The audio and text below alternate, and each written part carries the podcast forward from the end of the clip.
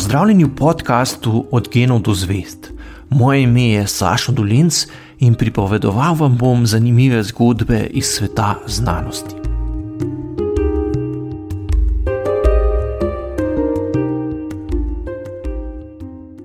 Oznaka naravno za marsikoga predstavlja močan signal, da ima opravka s kakovostnim in zdravim izdelkom. Naša naklonjenost vsemu naravnemu je pogosto posledica prepričanja, da naj bi bili proizvodi narave boljši in varnejši, saj jih nismo nedavno ustvarili v laboratorijih ali tovarnah, ampak imajo svoje mesto pod soncem že dolgo časa. Ker je med ljudmi močno razširjeno mnenje, da so naravni izdelki dobri in zdravi, to oznako podjetja pogosto izkoriščajo za trženje, največkrat pri hrani, zdravilih in kozmetiki. Marsikdo je namreč pripravljen plačati višjo ceno za živila in zdravila zgolj zato, ker na uvidku piše, da so naravna, tudi če se zaveda, da po kakovosti niso nič boljša kot izdelki, na katerih takšne oznake ni. Žal pa priseganje na naravni izvor ni omejeno le na pospeševanje prodaje. Zavračanje domnevno nenaravnega pristopa k kmetovanju je predvsem v Evropi povzročilo skoraj popolno prepoved gojenja gensko spremenjenih rastlin, za kar ni dobrih strokovnih argumentov. Še posebno med epidemijo se je pokazalo, da ima zmotno sklicevanje na večjo kakovost vsega naravnega lahko posledice tudi za javno zdravje. Nekateri ljudje namreč zavračajo cepljenje proti COVID-19, ki učinkovito varuje pred težjim potekom bolezni, prav z argumentom, da vnašanje umetnih pripravkov v telo lahko zmanjša njihovo naravno imunost. Pri cepljenju je delitev na naravno in umetno še bolj zapletena, kot se zdi. Ameriški imunolog in epidemiolog Michael Mina je pred nekaj leti svojo raziskovalno skupino proučeval posledice prebolevanja ošpic pri otrocih in prišel do zelo pomembnega odkritja. Pokazal je, da so otroci, ki naravno prebolijo ošpice, še dve ali tri leta precej dovzetnejši za druge okužbe. Ošpice, ki so že same po sebi huda in včasih smrtonosna bolezen, namreč lahko povzročijo dolgotrajne poškodbe imunskega sistema in prebolele otroke naredijo ranljive za druge nevarne okužbe.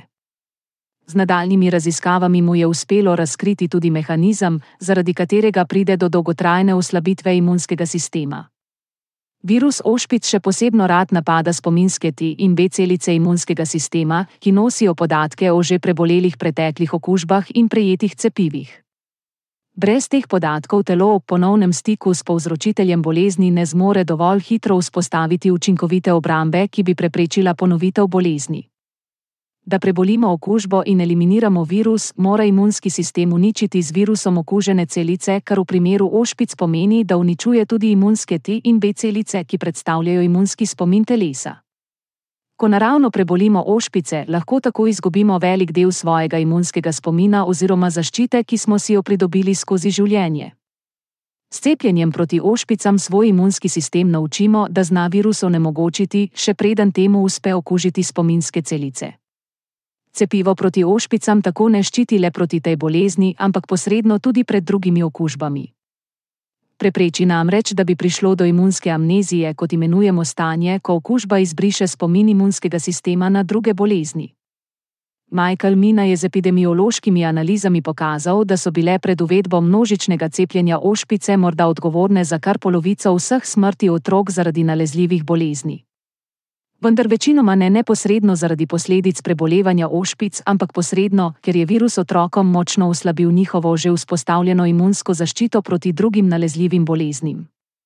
Eden od vzrokov za to, da po cepljenju lahko nastane boljša imunska zaščita kot ob prebolevanju bolezni, je, da je nekaterim virusom uspelo razviti napredne načine za izmikanje imunskemu sistemu.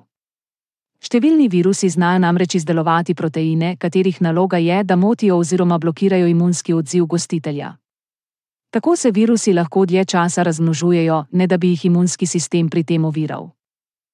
Pri cepljenju se imunski sistem spopade le z virus značilnimi proteini, ki so ključni za sprožitev imunskega odziva, ne pa tudi z vsemi drugimi proteini virusa, ki lahko motijo imunski odziv.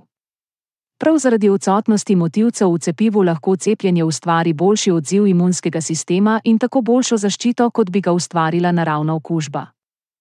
Močnejša in boljša imunost kot s prebolevanjem same okužbe se po cepljenju vzpostavi, recimo, pri cepivu proti humanemu papiloma virusu. Po nedavno objavljenih ugotovitvah raziskovalcev v reviji Cell naj bi bila tudi cepiva proti COVID-19 boljša od okužbe pri ustvarjanju protiteles za prepoznavanje novih različic virusa SARS-CoV-2. Okužba s posamezno različico virusa po ugotovitvah raziskave povzroči odziv proti teles, ki nima tako široke možnosti vezave na druge različice virusa, kot jih imajo proti telesa, ki nastanejo po cepljenju. Leta 1962 je ameriška biologinja Rachel Carson v knjigi Silent Spring razumljivo in nazorno predstavila raziskave o škodljivem vplivu množične uporabe sintetičnih pesticidov na okolje. Z odmevno knjigo, ki je pomembno vplivala na naš odnos do narave, je sprožila nastanek močnega naravovarstvenega gibanja, ki je države prisililo, da so uvedle strožji nadzor nad vnosom najrazličnejših kemikalij v okolje. Več kot pol stoletja pozneje je priseganje na pomembnost narave in naravnega v marsikaterem primeru še vedno povsem smiselno in utemeljeno, a se moramo hkrati zavedati, da ta oznaka nikakor ne predstavlja univerzalnega zagotovila, da imamo res opravka z boljšim, varnejšim in bolj zdravim izdelkom.